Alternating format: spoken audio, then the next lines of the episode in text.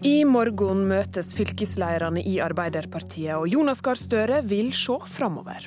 Så Det som blir tema med fylkeslederne, det er alt det Arbeiderpartiet nå får til. Alt det vi vil få til. Og så er det veien mot 2019 og kommunevalg. Eller som en av de som skal dit, sier blir tema, hvorfor er vi der vi er, og hvorfor kommer vi ikke videre? Vi starta dette Politiske kvarteret med programleder Gunn Solheim i Trondheim, der du er på plass på Tyholt, Tone Sofie Aglen, politisk redaktør i Adresseavisen. Jeg tror kanskje dette har gått litt under radaren for folk flest, men det i Adresseavisen har skrevet flere saker om det i det siste. Faktum er nå at 11 av 28 bystyrerepresentanter fra Arbeiderpartiet sier nei til gjenvalg ved kommunevalget neste år. Hva er det som skjer i partiet sitt utstillingsvindauge i Nidaros? Ja, Det har nok vært en politisk tsunami det siste året. Eh, fra å ligge stabilt oppe på 40-tallet i mer enn ti år, så har partiet både falt som en stein på målingene, og det her mye omtalte utstillingsvinduet må vel sies å være knust. Og Hovedårsaken til det her er den såkalte Kystad-skandalen den går i korte trekk ut på at tidligere Ap-topp Rune Olses arbeidsgiver inngikk en gullkanta avtale som innebar at et attraktivt grøntområde ikke skulle bli verna. Og det her ble altså foreslått av eh, Rune Olses nære venn, som også er Arbeiderpartiets gruppeleder Geir Våge. Og så viste jo Økokrim sin etterforskning at det var Olse sjøl som førte dette vedtaket i pennen. Så er det jo sånn da at denne gruppelederen i Trondheim er gift med lederen i Trondheim Arbeiderparti, og alle de her tette båndene og flere av de her hendelsene har fått mange til å spørre hvordan Arbeiderpartiet har brukt makta si i Trondheim. Og midt oppi det her smørøyet så befinner Trond Giske seg som det sentrale lederskikkelsen i Trondheim, og alle vet jo at det her ikke har vært et godt år for han og hans støttespillere, så nå ser vi at den ene etter den andre takker for seg i politikken. Ja, for Blant disse som takker for seg, så er det jo flere unge omtalt som store talent, og en del av den såkalla Utøya-generasjonen. Hvorfor har de mista trua på politikk? En skulle jo kanskje tro at når flere av disse som du nevnte gir seg, så kunne det bane vei for de unge? Ja, det er jo alltid individuelle årsaker, men jeg føler meg veldig sikker på at situasjonen ville vært annerledes dersom Arbeiderpartiet var på gammel storhet. Jeg tror mange av de her sakene har vært belastende, særlig når det rokker ved tilliten til politikerne. Og så har det nok også vært en kultur i Trondheim som har gjort at mange av de her ikke har fått særlig rom til å vise seg fram og utvikle seg. Og det som nok bør bekymre partiet, er at mange virker desillusjonert på vegne av Arbeiderpartiet og deres mulighet til å løfte seg politisk. Ja, vi prøvde å få eh, noen av disse unge som gir seg til å stille i Politisk kvarter i dag, og fortelle om det som skjer. Det vil de ikke. Hva sier det om, om partikulturen i Trondheim? Nei, Jeg ville nok vært mest overraska om noen stilt, for det har vært en kultur der makta har vært samla på veldig få personer med tette bånd. Og fra utsida så har det sett ut som at rommet for uenighet og meningsbrytning har vært eh, særdeles trangt. Og vi har jo hatt en veldig stor gruppe AUF-ere i bystyret, og de har satt påfallende lite farge på trondheimspolitikken. Det er synd. Og så har vi jo det som skjer med alle partier som sitter med makt lenge, ikke bare Arbeiderpartiet, men at det, det blir litt grått og litt visjonsløst og kanskje litt arrogant. Og for å bygge ei bru over til det vi har um, følger med på nasjonalt, uh, Støre, partiledelsen og, og, det som skjer der. I hva grad må, må Støre ta ansvar for det som også skjer i Trondheim? Nei, Akkurat det i Trondheim skal nok ikke Støre ta noe mye ansvar for. Det har de rota til sjøl og må nok rydde opp. Men det er to ting han må gjøre for sitt parti nå. Vi leser jo nesten daglig om lekkasjer om det indre liv i Arbeiderpartiet, og det er åpenbart store personkonflikter som han må rydde opp i. Og ikke minst så må han gi Arbeiderpartiets velgere og medlemmer trua på partiet igjen. Og det handler om å utvikle og snakke om politikk på en måte som treffer. Magnus Takvam, politisk kommentator her i NRK. I tillegg til det vi hører om eh, utfordringer i Trondheim, så kom det ei meningsmåling i VG i går som viste et kraftig fall for partiet i Oslo. Hvis vi sammenligner med resultatet i 2015, der partiet fikk 32% så ligger de nå 10 prosentpoeng under 22 Er dette da eh, beviset på ei fullstendig krise? Så Det er en refleks av den vanskelige situasjonen Arbeiderpartiet er i og har vært i etter valget. Eh, nå når det gjelder akkurat den målingen, så er det ett interessant trekk, nemlig at partiene på, til venstre for Arbeiderpartiet i Oslo, Rødt og SV, begge to gjør meget gode målinger i, i denne siste gallupen. Ergo så, så, kan man, og for så vidt Miljøpartiet De Grønne, som går noe tilbake.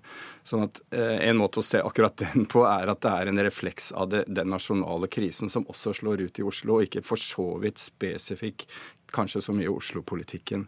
Men uansett så er det helt eh, åpenbart at to store kriser har eh, rystet Arbeiderpartiet. Det er selvfølgelig valgnederlaget og denne metoo-prosessen som de opplevde i, i, vinter. Og man har ikke klart hittil å konsolidere partiet og skal vi si, løse de krisene. De henger fremdeles ved på mange måter, både politisk og organisatorisk og internt i miljøet, særlig da kanskje i, rundt stortingsgruppa, der mange av de aktørene ser hverandre hver dag, og det bidrar til en, til en veldig vanskelig arbeidssituasjon. Mm. Som vi sa i starten av sendinga, i morgen møtes fylkesleirene til et, et lenge planlagt møte.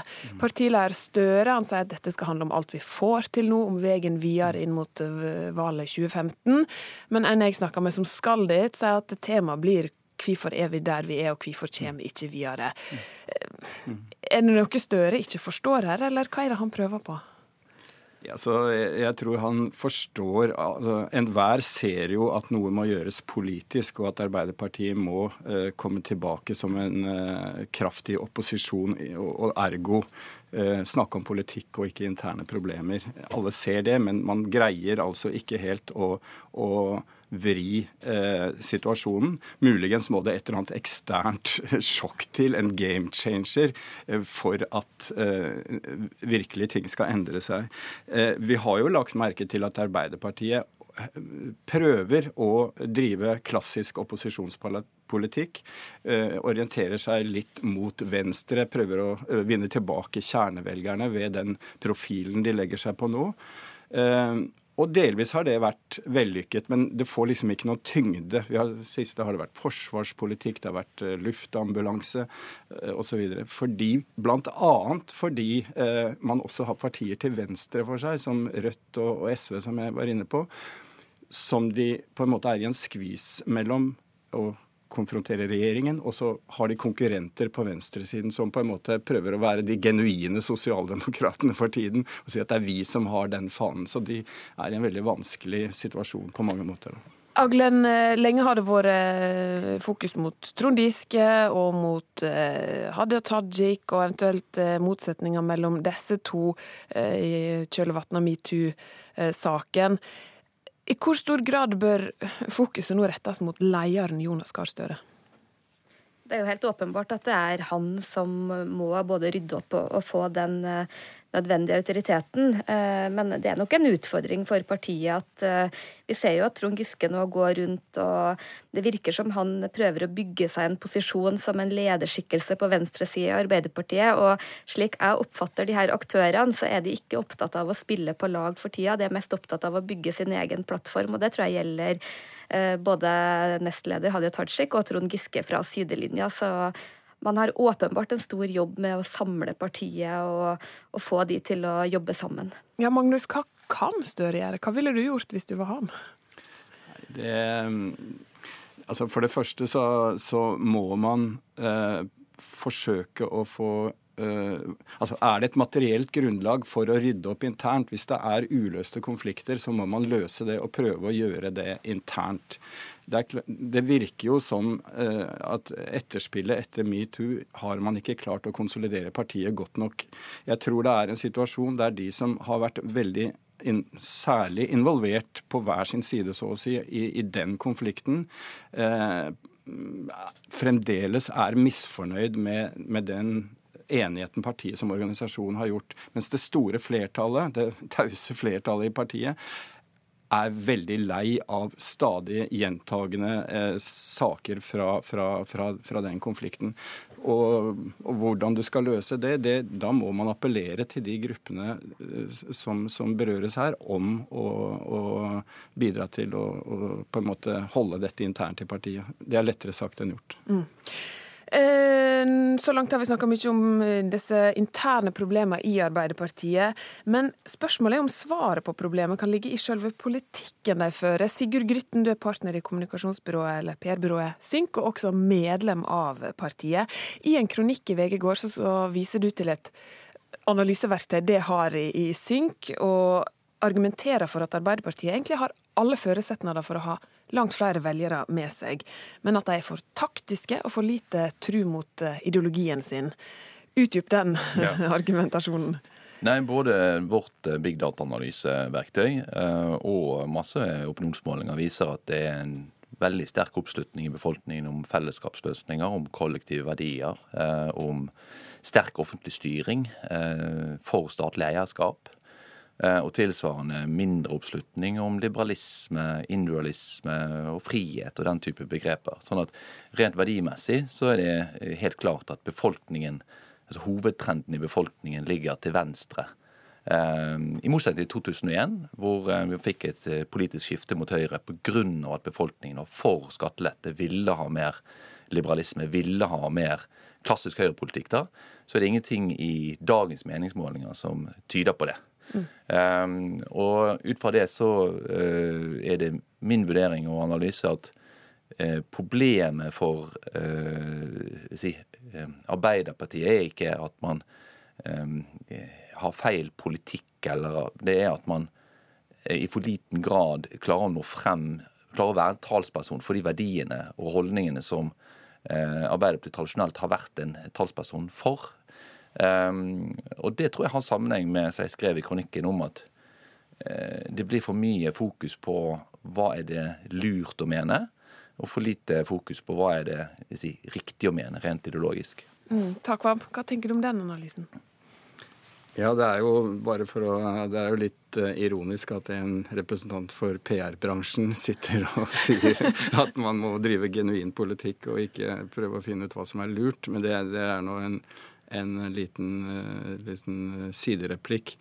Men Altså, jeg, jeg, jeg, er enig på mange måter i analysen. det var jo fremme uh, også før valget i 2013, da Arbeiderpartiet tapte, nettopp det samme at fellesskapsverdiene sto sterkt.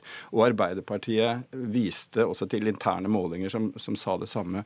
Men problemet da er jo at det er også et uttrykk for at det er en bred konsensus i det norske samfunnet blant de fleste partiene om denne norske modellen og, og de stolpene som den har blitt bygd opp etter, et, etter, krigen. Og vi legger merke til at øh, partiet Høyre også, i hvert fall i retorikken, eh, eh, slutter seg til de målsetningene. Så da blir det i stor grad en kamp mellom mellom partiene om eierskap til den modellen. Så det er ikke noen direkte sammenheng mellom eh, på en måte den typen målinger og høy oppslutning om Arbeiderpartiet. Og det, det de antagelig gjorde i valgkampen i fjor, var at de ikke klarte å få fram f.eks. i arbeidslivspolitikk, som de nå holder på med, eh, tydelige forskjeller til, til eh, mm. regjeringens politikk. Grytten, dette er noe alle i Norge mener? Ja, nettopp. Og, da peker jeg takvann på nettopp det som skjer da. Altså eh, i hvordan det politiske, norsk politikk utvikler seg. Og da tar, går alle partiene inn mot å prøve å ta det rommet. Høyre sier da sant, bærekraftig velferd, argumenterer ikke for privatisering. Måtte endre hele profilen eh, sin for å hente de velgerne. Så partiene løper etter velgerne. Eh, og eh, min vurdering er at, at når de store styringspartiene begynner å oppføre seg som sakspartier, så vil de over tid eh, bli redusert i oppslutning. Det ser vi i en rekke europeiske land det er at hvis de slutter å oppføre seg som styringspartier, begynner å oppføre seg som populistiske sakspartier, så vil de bare bli et populistisk saksparti og ha oppslutning som et populistisk saksparti. Og så vil det andre eh, som aktører som, og andre partier som vil overta eh, makta. Takk, man. Ja, det, det, er en svær internasjonal trend som, som, kan bygge opp under det. Men vi ser at for eksempel, det er en spesifikk utfordring for sosialdemokratiske partier. Vi ser bare til nabolandet Sverige, der bastioner i, regionalt i Göteborg osv. viser seg at Arbeiderpartiet virkelig raser i Sverige også. sånn at det er, det er en spesifikk sosialdemokratisk utfordring for tiden også. Og det ble siste ord i dagens Politiske kvarter.